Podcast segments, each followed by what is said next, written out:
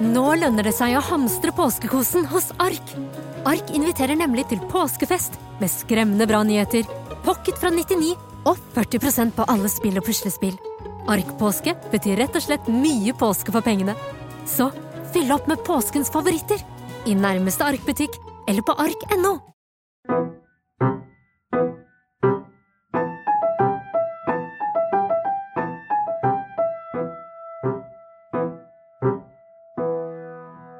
Velkommen til podkasten Frilanslivet, en podkast av min kollega Hanna van Bergen og meg, Kristina Skreiberg. Vårt mål med denne podkasten er å være en faglig og inspirerende kanal for alle dere som jobber for dere selv i medie-, kunst- og kulturbransjen.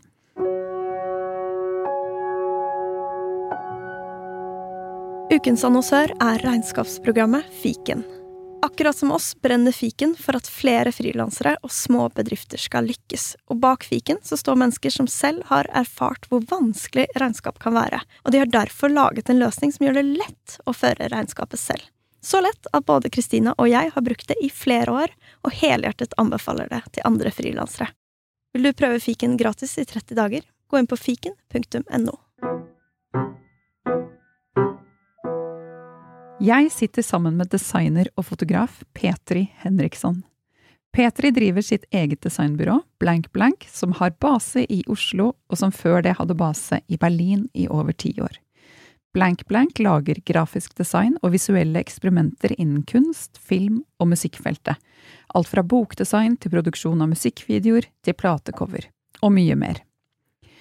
Petri har oppdragsgivere som Bergen Kunsthall, Oslo Art Weekend og Ekkofestivalen i Bergen.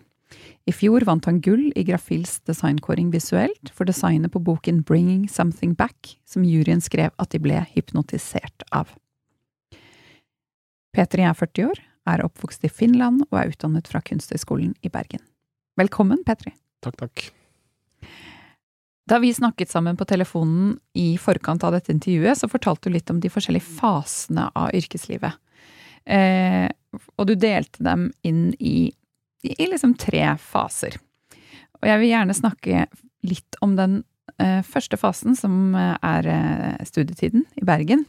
Som du beskrev veldig fint som den tåkete første fasen. kan, kan ikke du fortelle litt om den tiden? Ja, altså Ja. Altså, jeg var jo 24 da jeg flytta til Bergen. Eh, var jo ganske så random at jeg kom hit. Altså, jeg studerte foto i Finland og var litt sånn Nei, studerte design i Finland. Og så Jeg var ikke så fornøyd med verken stedet eller studiene der, så jeg tenkte ok, jeg har lyst til å prøve noe annet. Og jeg har veldig lyst til å prøve å liksom komme meg ut og gjøre litt sånne ting. Så den tida oppdaga Det var en veldig fin, veldig bra festival i Helsinki som heter Koneisto-festival, som var en uh, stort elektronisk musikkfestival. Og da uh, leste jeg faktisk brosjyr Altså, det var en sånn deres katalog hvor det, det var sånn to år på rad hadde de mange uh, folk fra Bergen, så fra Telerecords, som var på en måte den tida ja, hvis folk har hørt om Røyksopp og Annie og den ting. Så de spilte masse i Finland, så tenkte jeg um, Bergen, aldri hørt om. Finland, altså begynte liksom å se på uh, skolene, hvor er kunsthøgskolene? Altså, tenkte jeg liksom jeg har lyst til å komme til egentlig Oslo, tenkte jeg liksom Oslo og Helsinki litt lignende. Men her var det ingen tilbud på samme måten uh, fotostudier på, som Bergen hadde nettopp starta. Så søkte jeg inn i um, utveksling der. Og så ble det på en måte utveksling, og så søkte jeg inn i skolen og tok hele studien ferdig. Bachelor der. Så på en måte den tåken jeg liksom begynte der. Uh, og så var liksom musikken det egentlig drev meg inn i det systemet, og liksom Ja, som en liten gutt var veldig nysgjerrig på Så jeg bodde ved siden av Nøstekollektivet, som var liksom uh, Telerecords sin uh, butikk, og der var liksom alle folka som drev og kom inn og ut, og så møtte man folk, og ja. Så ja, så det på en måte starta, og så begynte vi liksom å gjøre en del eventer. på en måte Inviterte musikere og gjøre konserter som inkluderte litt visuelle ting. Og så flyttet du til Berlin, som blir fase to. Veldig sånn uh, skjematisk. Men ja, ja, ditt skjematiske liv. ja, det er jo, det er fint, jeg kjenner meg veldig igjen, for jeg tenker ofte sånn kapittel én av frilanstilværelsen, kapittel to. Jeg nei, er i kapittel tre selv. Tre, kanskje fire. Nei, men jeg er helt enig. Altså, jeg, selv tenker veldig sånn også. Men um, ja, det var på en måte også gjennom litt tilfeldigheter og livet på en måte på private sider, hvordan man havnet dit. Men um, da kom jeg dit, og sånn, eh, fikk et plass på en Jeg måtte lage en platecover til en eh, norsk band, faktisk, som er en label i Berlin. Og så fikk jeg en studioplass eh, i midten i Tikstrasse på et studio um, for en måned på sommeren. Og så møtte jeg de folkene De, de, de ble kasta ut av studioet sitt i det gamle lokalet, og så um, møtte jeg de samme folkene en måned etterpå Uh, og de sa at de hadde funnet et nytt stort lokale i Kreuzberg, og så ble jeg på en måte med i det. og så Det høres bra ut. Og så en fast forward, altså litt spola fram, så noen måneder etterpå så satt jeg der, og så noen måneder etterpå bestemte jeg at når de trengte noen folk å drive det, så jeg tok over hele plassen, på en måte sånn kontrakten på, på hele lokalet. Etter bare noen måneder i Berlin? Uh, ja, noen måneder, var et halvt år eller noe sånt. Jeg husker ikke helt nøyaktig, men det var men det var litt sånn tilfeldighet at nå hadde vi mulighet, og ingen som ville egentlig ha ansvar for noen ting. Det var litt sånn, Vi hadde et kjempestort altså, Da var det kjempestort. Det var sånn ca. 300 kvadratmeter lokale med ingenting inni. Sånn industrilokale som begynte vi å fylle opp, og så måtte vi betale regninger. Og så noe må du passe på at det går. Og det var deg? Ja, jeg er ikke akkurat økonom, og jeg vil tro hvis jeg spør noen av vennene mine, så jeg ville nok uh, ledd litt av min uh, økonomiske kunnskap i den tida, i hvert fall. Men uh, Og kanskje bra du ikke hadde det? Så man turte påta seg kontrakten? Ja. ja, vet, ja Men hva fylte du huset med? Eller lokalet? Eh, altså, det var jo på en måte halvveis fylt ut, men vi hadde ikke nok folk at vi kunne betale leien og sånt, så det var liksom uh, Og jeg må si at det var jo andre folk som hadde starta hele den prosessen her, men sånn, så det var en slags virksomhet der. Det var en kunstner som delte lokalet, og så kom jeg inn, og så hadde jeg liksom veldig lyst til å Det er litt sånn mitt problem alltid at jeg liksom kommer til et sted og så har jeg lyst til å ja, kan, Kanskje vi kan gjøre litt sånn og sånn. Uh, kanskje vi gjør, ja, finner litt flere folk. Og, og det, igjen, ikke bare meg, men på en måte var sånn at vi inspirerte hverandre på en måte å gjøre ting. Og så begynte vi liksom invitere folk, og så ja, ble det litt sånn sted hvor det jeg tror jeg telte en dag Vi har sett på navnelistene vi har hatt sånn ca. 100 folk, uh, pluss minus, uh, innom de siste ti årene der. Som har vært inn og ut, og fra alle typer kreative fag. Fra arkitekter, og kuratorer til teoretikere til uh, kunstnere og um, filmskapere. Og, ja. og i veldig mange forskjellige måter folk har jobbet med. Altså det er liksom folk som har store gallerier, um, og noen som jobber mer som privat, uh, skriver til seg selv, eller skriver til magasiner og sånt. Så det Så uh, litt av en veldig sånn community vet ikke hva det er på norsk, community-basert på en måte, uh, studio. Men uh, også at man har et tomt rom som man begynner å fylle på, sånn etter ti år man har ganske masse ting. Så jeg har mange, mange, ideer og mange folk som har vært påvirket i det. så liksom der også var liksom kanskje sånn Jeg føler at det var sånn tre faser der inne. på en måte. Inni, det, inni ja. fase to igjen? Ja. Oi! Det, man kan dele opp alle disse fasene i små. Ja, så det men vi trenger ikke gå i alle disse fasene. Folk kommer å bli helt lei av å høre det. Oh, ordet fase. fase 3,2. Denne episoden skal hete fa fasen, Faser med Petri. Ja. Ja. Petris faser. Ja. Men eh, hvordan var det å ha det ansvaret, både økonomisk, men også det å få inn folk og være den som sitter på kontrakten, altså var det bare superfett, eller var det også litt sånn tyngende ansvar? Uh, absolutt begge deler. Altså, det, var jo bare at man har jo, det er jo litt sammen med hele frilanslivet, på en måte, at det man gleder mest til å ha den friheten, men sånn, den friheten også kommer med en bakside som er at man må faktisk leve ut av det.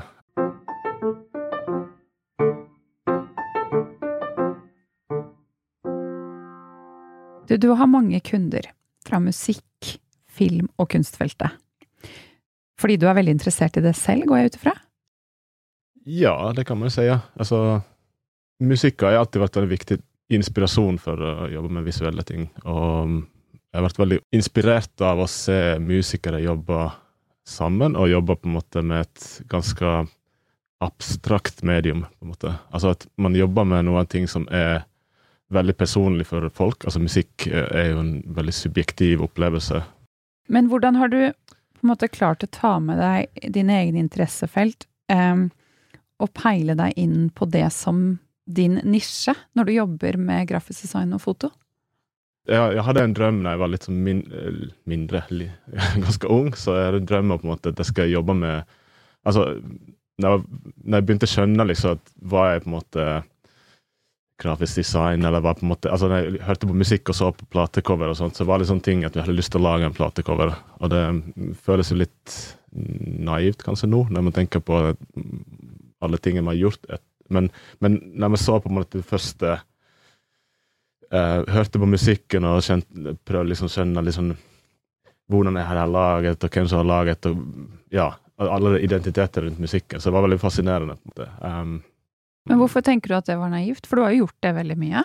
Ja, det, nettopp det. Det ble jo tenkte, sånn. Ja, det ble sånn. Det, det var det at jeg tenkte. Det var liksom, jeg tenkte nesten at det er liksom endstoppet. Liksom, jeg skal klare å lage platecover, og så er det er ferdig.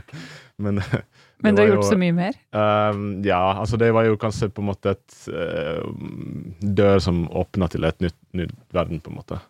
Som, altså det er jo litt sånn som egentlig å jobbe som frilans, eller jobbe hvis jeg selv, ting man liker, så er det på en måte man begynner på en plass, og så ser man liksom uh, hvor man kan gå ut av det.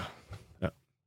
Så, Men det er jo litt fint at du hadde det som en drøm, som da virket som en sånn stor ting å gjøre, og så har du gjort det, men det også har ledet til veldig mye annet. Ja. Men ja, det har vært på en måte egentlig måten jeg har operert hele tida, men samtidig kanskje nå de siste årene har blitt mer sånn at man, man tenker litt mer strategisk også, liksom hvilken vei man vil gå, og ha liksom litt kanskje mer planlegging da. Men eh, jeg tenker likevel det er noe prinsipielt der, at, at det at hvis man har lysten å gjøre noen ting, uh, og man har liksom lyst til å bli god på noe, eller lyst til å liksom La oss si uh, Møte de folkene, eller gjøre sammen noe med de folkene. Så man må liksom bare gjøre ting, og så en dag skjer det kanskje. Altså det er på en måte en um, Jeg tror på at liksom, hvis man har tro på noe, og man holder på lenge nok, så kommer man i hvert fall noe sted. Kanskje ikke akkurat der man har tenkt, men uh, um, Ja. Så Helt enig. At um, det å sette ting i gang leder alltid til noe. Uh, selvfølgelig. Men, og noen ganger er, den, er man ganske sånn målrettet dit har jeg lyst til å gå, så har man kanskje mange avstikker underveis, men man nærmer seg gradvis, da. Det, ja, ja.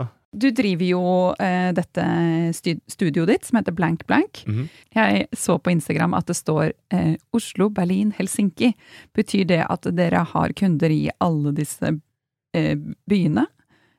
Eller er det folk i alle disse byene? Burde kanskje oppdatere den Instagrammen litt. Men um, jo, altså det, et eller annet tidspunkt i hvert fall har vært sannhet. Eh, akkurat nå er det litt mindre Berlin for at vi har visse byråer der lenge. Altså faktisk på sommeren uh, kjørte en semitrailer eller en liten bil dit, og så tok alle tingene mine. Så nå på en måte er det ferdig med det. Så det er liksom litt mindre enn akselen der. Uh, Finland så vidt en del. Um, og så hadde jeg liksom et temporært kontor i Helsinki også et tidspunkt. Så ja. Men uh, mest egentlig kanskje musikkmiljø i Finland, og sånn undergrunnsmusikkmiljø i elektronisk musikk, og um, litt overgrunnen uh, Ja. Litt mer på en måte pop. eh, Litt undergrunn og Ja, overgrunn. yes. Men du er jo finsk. Er er du fra Helsinki, eller hvor? Jeg er fra et lite sted som heter Porvo. Som, er, Porvo. Jeg tror den tredje eldste eller, ja, byen i Finland. Ja. Men er veldig nære Helsinki. altså sånn Lite stad en time fra Helsinki. Men nå har du bodd i Norge i mange år. Ja, Siden 2004. Kjennes det godt, holdt jeg på å si? Er det, er det fint å holde kontakt med det finske musikkmiljøet? Ja, ikke bare musikkmiljøet, men generelt også. på en måte. Det er jo fint å ha en slags mulighet å reise tilbake, og så kan jeg ha familie der. og alt det. Men også på en måte Det har vært hele tida liksom at man speiler jo seg selv på en måte hvor man kommer fra eh, med de omgivelsene man har. Altså det, det samme skjedde i Berlin. Og nå har blitt mer komplisert. Man har på en måte reist, jeg reiste liksom gjennom Norge til Berlin og så tilbake. så blir det på en måte et spill i hodet. liksom, Hvordan er det her, hvordan har vi hjemme, og hva er liksom det visuelle altså det er Både profesjonelt, men også på en måte identitetsspørsmålet. på en måte. Og det har fascinert meg alltid. liksom den um, Sånne blanda identiteter. altså Jeg kommer fra en finlandssvensk familie. altså Mamma er fra Kareli, gamle Karelien, og pappa er fra fra veldig den finlandssvenske kysten av Finland, så tospråklig familie. Ja, ja, så på en måte starten kanskje der, men også at Ja, og da ble det på Tyskland og Norge og flere språk, og så Ja. Så mm, jeg syns det er veldig fint å kunne liksom ha mulighet til å både ha kollegaer, men også sånn mulighet til å um, bli inspirert av begge sider. på en måte, og, og har jo på en måte brukt litt kortet, at jeg på en måte prøver liksom, Mitt sånn hemmelige agenda er jo å få liksom Norge og Finland jobbe litt mer sammen på profesjonelt nivå. Så altså Vi snakker jo alltid om det nordiske samarbeidet, og det, på byråkratisk nivå er det på en måte Vi har ambassadene funker veldig bra, det er alle sånne helsetjenester, bla, bla. Det, det er på en måte den gamle historien fra kanskje etterkrigstiden, på en måte. Men eh, når det kommer til sånn kultur og den slags ting, så føler jeg at det er ganske to forskjellige verden vi vet litt for lite av hverandre, føler jeg. Vi kunne gjort mer sammen og kunne vært mer inspirert av sammen. Interessant. Eh, du nevnte at du er opptatt av identitet. Mm. På hvilken måte? Kanskje litt fra personlig Altså det er jo det at når man reiser, jo mer man reiser, og jo mer man vekker, så begynner man å tenke på hvem man er. Og liksom, For at man blir jo på en måte tiltrukket av omgivelsene sine og folk man møter og sånt. og sånn altså, For eksempel en konkret eksempel, merker at hvordan språk endrer seg. altså jeg kan ikke selv høre det lenger så godt, men jeg får liksom kommentarer når jeg reiser tilbake til Finland at du snakker som en svensk eh, på finsk, altså sier feil. altså den type, og Da begynner jeg å tenke på at har jeg lyst til å liksom miste den her, eller hvor viktig det her er, og hva er røttene mine? og liksom så på den måten, og så klart det speiler jo inn på en måte da litt i hva man gjør profesjonelt også. At man tenker liksom, man har jo lyst til å ha med noe Og man har jo lyst til å introdusere også noen kanskje ting man syns er nytt i det miljøet, eller kanskje noe som er litt annerledes. Så andre sida er jo det er jo ganske romantisk i det, på en måte. også. Altså, noen, man begynner jo liksom, Jo mer man vekker fra sitt hjemland, så begynner man å se liksom ting gjennom en sånn romantiske briller. Og det er jo både fint og kanskje ikke alltid så realistisk. Altså, altså, ting er jo ikke så, altså, Man kan av og til tenke på åh, sånn er det her, mye bedre i Finland, men det er jo ikke sant, egentlig. Så, og det, ja. Men samtidig fint å ha med seg en sånn bevissthet om at å, jeg har lyst til å knytte stedet jeg bor på og stedet jeg er fra, sammen. Mm. Eh, innenfor det feltet som du selv opererer i. Mm.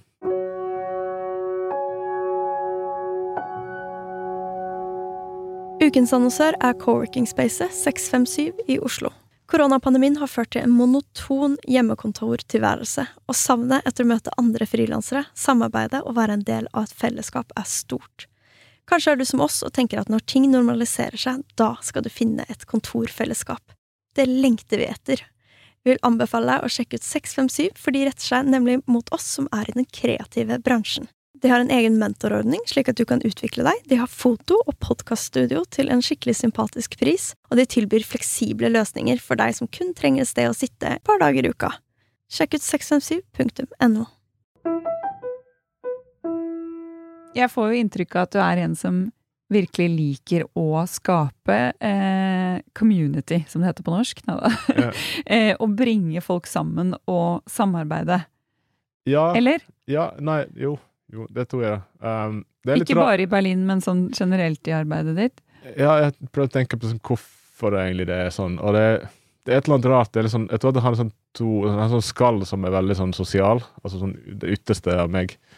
Så jeg har lyst til liksom, at ting skal skje, og litt sånn av og til kanskje litt romantisk. At alle, alle kan gjøre ting, og det skjer jo ikke sånn i virkelig verden. Men, men sånn innerst inne det er liksom denne, jeg har den der uh, gå på skitur alene-mannen som må liksom ha litt sånn den ene dagen og ikke snakke til noen. Altså um, Så men, men, ja. Uh, og jo mer vi har vært i andre steder og flere steder, så jeg på en måte får litt sånn uh, Får sånn følelse kanskje, kanskje vi skal gjøre noe nå. Altså, sammen med noen har vært to år i Oslo nå, så jeg tenker liksom, nå er liksom, og koronaen har liksom skikkelig satt lokk på alt. Og jeg vil tro at ganske mange folk er ganske lei å sitte hjemme. Så det er litt sånn nå er det sånn, Kanskje vi kan gjøre en liten ting nå, bare starte noe, og få liksom ting å skje. og liksom, jeg skulle, Hvis jeg hadde mer makt og øh, kunnskap og at jeg var litt på riktig fag, så skulle jeg gjerne gjort noe med byrommet også. Altså, det er et gulltid nå for Oslo kommune å liksom ta i tak i og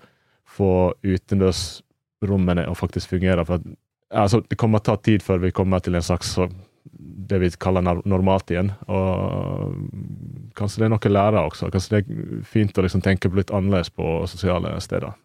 Men når du starter et eh, nytt prosjekt, går du eh, litt sånn eh, målrettet til verks sånn Å, jeg har lyst til å ha med den, og jeg har lyst til å ha med henne, og jeg har lyst til å ha med han til det, og eh, liksom drar folk inn? Eh, eller hvordan, eh, hvordan oppstår det? Mm. Sånne collaborations. Ja, det er ganske forskjellig. Det er jo nok, altså, halve deler av virket er jo liksom folk kommer og spør oss eller meg å gjøre en ting, og så lager vi en bok, eller sånt, og så jobber vi sammen med, tett med en kunstner eller noen. Så det er sånn, veldig sånn personlig, på en måte. Uh, den gangen vi gjør vi eller jeg, eller ja, hvordan skal jeg kalle det, gjør egne prosjekter, så det er mer kanskje sånn at man får liksom litt lyst til å aktivere ting, og så får man kanskje en idé. Noen ganger det er liksom at man bare gjør det, og så en annen gang man kanskje må tenke at ok, denne ideen kunne passe her, og kan jeg kanskje søke penger der, så får vi litt startskudd. og Uh, men det er jo ganske ofte Man begynner jo på de folka man kjenner, på en måte, eller i hvert fall litt den retninga, og så kanskje man åpner opp til litt andre, og prøver å liksom lage et modell av altså Ofte sånn uh, Også for å Altså Det er jo ofte denne kampen at man klarer å realisere først og fremst noe, er jo litt man må liksom gjøre det lett nok for seg selv. Og jeg, også, jeg har kanskje av og til litt for mange ting på gang, så liksom på en måte man må liksom velge hva man satser på. da og sånn gjøre det lett nok at ok, dette kan bli ferdig. Hvis det bare er en teoretisk ting som jeg holder på å snakke til alle. Hva er det du liker med det?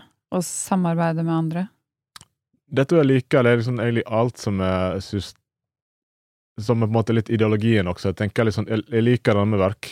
Sånn, det er en slags sånn Det er en sånn endstopp på begge sider. At Det er en slags ramme, men også at det, det kan skje ting som man ikke kan kalkulere. Eh, og det er på en måte egentlig Um, jeg tror jeg har egentlig lært det fra noen kunstnere jeg jobber med, f.eks. Richard Tuttle, som var veldig kjent for det, uh, med sånn, den slags tilfeldighetens uh, Magi eller kraft? Ja, ja, på en måte at man, man skaper en slags rom, og så man vet cirka hva det skjer, men man vet egentlig ikke hva som Det kan komme noe ut av Jo mer folket, jo mer det skjer, så jo mer kan det på en måte gå andre retninger også. Så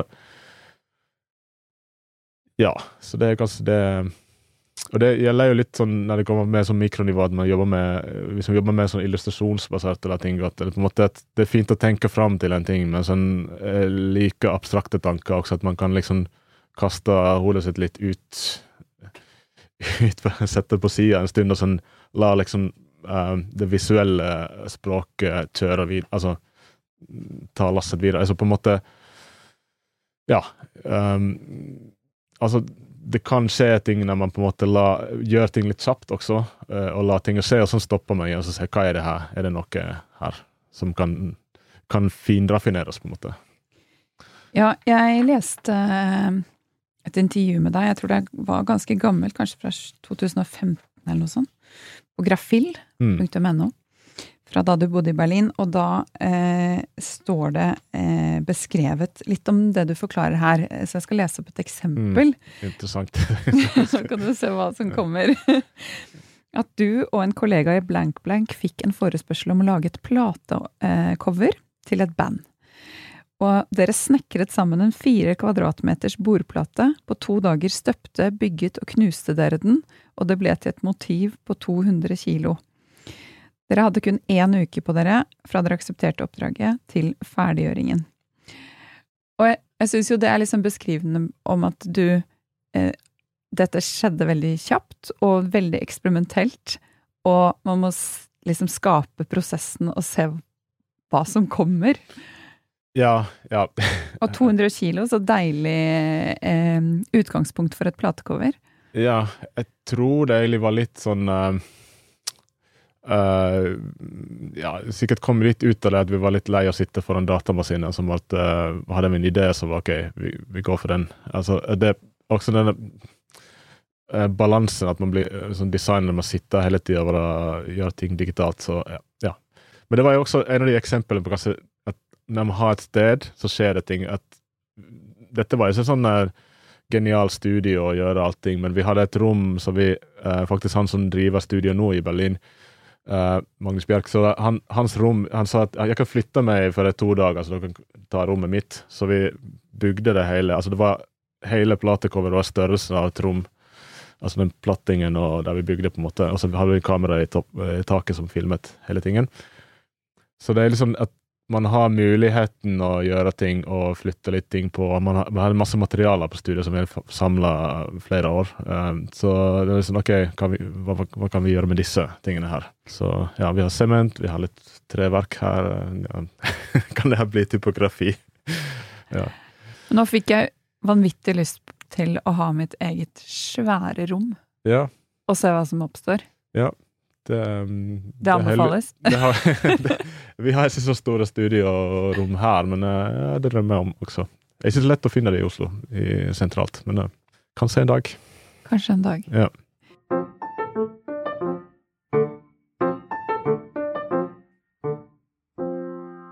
Jeg trekker frem et eksempel til, jeg. Ja. Mm. For jeg syns det beskriver litt uh, deg og hvordan du jobber. Mm. Skal du høre? Dette er også fra artikkelen på grafil.no.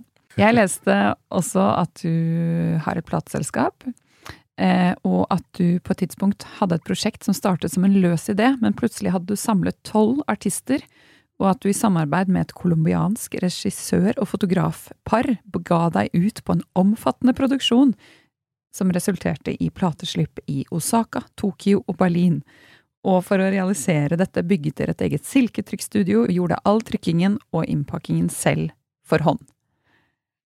Ja. Det her syns jeg også er utrolig gøy. For her, løs idé, men så er det masse folk involvert. Eh, masse prosess og eksperimentering. Men ikke minst også et ganske tydelig resultat. Plateslipp eh, rundt om i verden. Ja, altså, jeg tror at det kanskje Her var jeg, igjen på en måte den tanken at jeg hadde veldig lyst til å ha en silkedukkstudio. Og så tenkte jeg hvordan man kan få til Vi hadde jo sett lokale Det startet med det? ja. altså, det var en sånn drømmen på en måte ha jeg lyst, altså, jeg trykket en del før og jobbet med sånn, ja, forskjellig type trykk.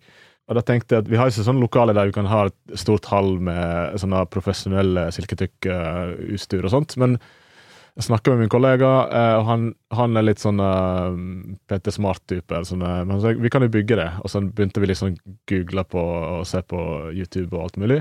Så fant vi ut hvordan vi kan lage et silketrykkstudio på et lite skala. Uh, og så Det endte opp at vi kunne vi trykte ned plakater opp til sånn uh, 50-70, altså sånn standard A2 pluss-format. Og masse T-skjorter og den platecoveren der. Uh, men dette var det første prosjektet, så vi bygde alt liksom Først hadde vi ett treverk som viste seg at det funket ikke helt. For at det bøyde seg, og fuktigheten og Det gikk alt helt i gale. Altså, det tok så lang tid å skjønne liksom, hvordan man skal trykke og få belusting og sånt. Men etter hvert Ja, så, så, den tekniske tingen var liksom én ting, og det, vi hadde da dedikerte vi et rom til et som vi kalte prosjektrom, som ble et sånt multiprosjektrom. med både fotostudio og trykkestudio og alt mulig. Um, uh, men selve prosjektet startet jo fra et uh, Det var en regissør som delte studio der i Berlin. Um, og han hadde laget en film, også ganske basert på en sånn Altså, det var en lang spillefilm som ble um, gitt ut i Colombia og i, i Frankrike uh, gjennom et um, filmselskap. Uh, og filmen var helt uten lydspor, så vi, tanken var å, at vi inviterer folk å se filmen og tolke ut av filmen og lage et nytt et lydspor, imaginært lydspor til filmen. Og man kunne velge liksom hvilken del av filmen man vil, eller hvor konkret eller abstrakt man vil liksom ta det. Og så inviterte Det var litt sånn ganske mange norske, en del finske, en del colombianske, en del andre mm, artister. Som noen ganske kjente, noen som jeg ikke kjente selv hele tatt. Um, ja, og så Folk var veldig med på det og syntes det var kjempegøy via det. Og så kom de låtene, og så fikk, fant vi noe som kunne gjøre det tekniske mastring og alt det der, og så pressa vinyl og og lage cover. Så ja, altså det var et uh, interessant prosjekt. Men uh, ja, intensivt. Men uh, det er en sånn typisk måte liksom, at man har en, et behov, og så begynner man liksom å se ok, hvordan kan vi steg etter steg komme dit. Og hvis man ikke har mulighet til å liksom kjøpe seg inn i det, hvordan kan man lage det ellers? på en måte? Alternativ måte. Kanskje en prosjekt som jeg ikke skulle gjort på den måten lenger. Så det, var, det tok nok litt kraft av meg også, men uh, men hva gjør du i perioder hvor du har tatt deg altfor langt ut, hvor jobb og prosjekter har tatt uh, altfor mye kraft fra deg? og hva gjør du for å hente deg inn? Ja, altså, og hvordan, hånd, ja, hvordan, håndterer du sånne perioder? Det, ja, det er nok en veldig viktig del av også Og spesielt jeg merket at tidligere trengte jeg ikke det så masse, men nå, jo mer man har gjort, og det blir jo litt alle også, så må jo på en måte man passe på seg litt. Og, så for meg det blir litt den der som vi snakket om, den mannen som går på ski. så det er liksom jeg må ha sånne lange turer alene, eller jeg hører på podkast, hører på musikk. Eh, altså Ganske ofte jeg springer lange turer og hører på liksom verdenspolitikk. Eller, altså, akkurat nå jeg må si et ganske kjedelig tid, for at det er veldig masse korona. Og veldig fint at det finnes podkaster som ikke snakker om det. Um, men det er nok den stillheten og eh, ja, natur og ja, den type ting uh, som ja, hjelper å balansere. Ja, det er utrolig viktig uh, å erkjenne at man ikke bare kan være på og i, i skape og liksom dytte ting ut av seg, men at han også må liksom få næring og overblikk og stillhet ja, ja næring, tilbake. Og, det er andre ting også. At, altså, næring hvis, i form av eh, alt fra mat til ja, kultur til ja. Men også at det å bli inspirert også. Hvis man kjører som en maskin hele tida, så kommer det, bli, kommer det stoppe et eller annet tidspunkt. Man, man har ingenting å liksom putte inn inspirasjonen og det å bli inspirert, man må liksom bryte denne mønsteret, jeg tenker. Det, altså, jeg, jeg, vil tro at folk har sine forskjellige måter å gjøre det her, men det er i hvert fall det jeg har funnet ut, at det er sånn man må presse ting gjennom, og man må jobbe hardt for noe, men sånn, man må liksom skjønne at nå må jeg stoppe, nå, nå gjør det vondt, eller nå er det liksom, det er ikke gøy lenger. Og da må man på en måte OK, pause, gjøre noe annet, finne en, et sted å reise til, eller mm, springe liksom lang tur og ja, jeg vet ikke. Altså, det er forskjellige skala liksom, hvor masse man trenger å koble av, men, men det er litt og det er ofte da kommer de, liksom, de ideene, når man har liksom hatt denne ganske intensive perioden, og så har man fått litt slappe av, og så man gjør noe helt annet. Og så sitter man der, og så plutselig bare alt rinner i hodet. Liksom alt, alle ideene kommer, liksom, så man bare skriver fort ned. Og så uh, ja, det er interessant. Uh, og så når man, ofte når man prøver å presse det og tenker nå skal jeg finne en fin idé, så kommer det jo ikke. Altså, det er helt nesten alltid sånn at man uh, kan ikke liksom presse det ut. Så, men det er interessant hvordan eh, sånn inspirasjon er så Hvordan skal jeg si immateriell, eller sånne ting man kan egentlig ikke helt styre. Man kan prøve å styre det, men det er en, en sånn ting som er der, og man er veldig redd å miste den. Altså, det er jo den klassiske writers block-ideen, at man liksom plutselig sitter der og så får ingenting til. Og det er egentlig ganske Ja. Man må liksom prøve å pleie den man har. Ja. Jeg har en uh, venninne som har jobbet veldig hardt i ja, et halvt års tid, og er nå ganske utkjørt. Mm. Så har hun følt seg sånn flat veldig lenge. Mm. Og etter en uh, ferie på fjellet med lange skiturer, mm. så ringte hun og sa sånn Å, jeg fikk en idé! det er så godt! Ja. Jeg fikk en idé! ja, nei, men det Jeg kan relatere til det. Plutselig kommer det igjen. Ja, ja. ja. Så eh, det kommer tilbake, men at man noen ganger bare må hvile litt i at det kan ta tid. absolutt. Mm. um, ok, fase 3.5 Nå da. yes. Skal vi se hvor var jeg Hvordan veksler du mellom betalte oppdrag og egne prosjekter? Så det er på en måte den kanskje sånn trefaseskalaen igjen, på en måte. Altså litt sånn den type den der Uh, mer sånn offentlig mellomting og kanskje mer sånn uh, idealistisk. Og, og den idealis idealistiske delen er jo litt sånn del av de egne prosjektene som enten blir finansiert av støttepenger, eller at man finner liksom måten å sette det sammen med noe annet, og så det er noen andre som blir interessert å være med i det, som kan hjelpe til. på en måte. At ja, men det er jo altså, jobber med grafisk design og la oss si bokdesign, så det er ganske standardisert. Eh, altså Det regnestykke, det fins et veldig standardisert Jeg vet akkurat hvordan eh, tidsløypen går, og hvor masse tid man skal bruke på det. og Så kan man ganske lett si ganske fort hvor masse det skal koste. Og, og hvor mye tid er igjen til det idealistiske ja, ut fra det? Ja, ja. Sen, ja, sen, men det, de idealistiske prosjektene er ekstremt viktige for å, både for at man orker å drive med det her, men også på en måte at man kan liksom realisere noe litt annet og litt sitt eget. på en måte.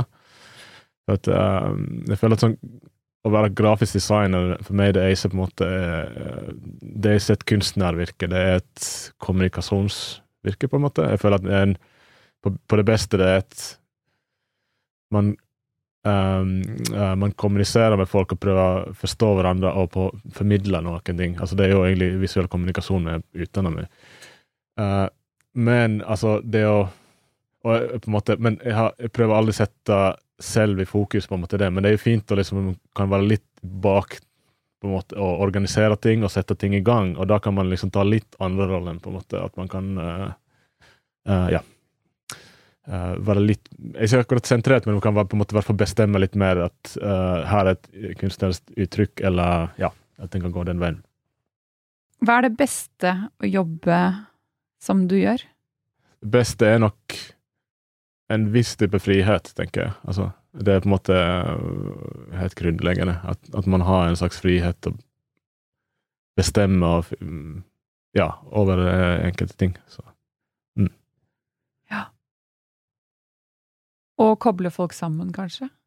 Virker ja, du, ja. Jo, altså det er jo også det, Ja. Mm, det sosiale. Altså det er også at man møter jo masse spennende folk når man uh, driver med ting. Så det er jo og sånn at det Jeg liker veldig godt når jeg ser at ting skjer, og folk blir engasjert. Så, og jeg selv blir engasjert. Så, så det er kanskje den ja, balansen mellom den friheten og også det at man kan gjøre ting som kanskje ikke trenger å gå akkurat den måten. og inn i et skjema, på en måte. Så, ja. Mm. Tusen takk. Tusen takk. Takk for at du kom. Denne episoden er laget i samarbeid med og med tilskudd fra Finsk-Norsk Kulturinstitutt. Finsk-Norsk Kulturinstitutt jobber for å styrke kulturutvekslingen mellom Finland og Norge. Instituttet fremmer samarbeid, dialog og mobilitet mellom finske og norske kunstnere, kulturaktører og organisasjoner og produserer et mangfoldig program for et bredt publikum.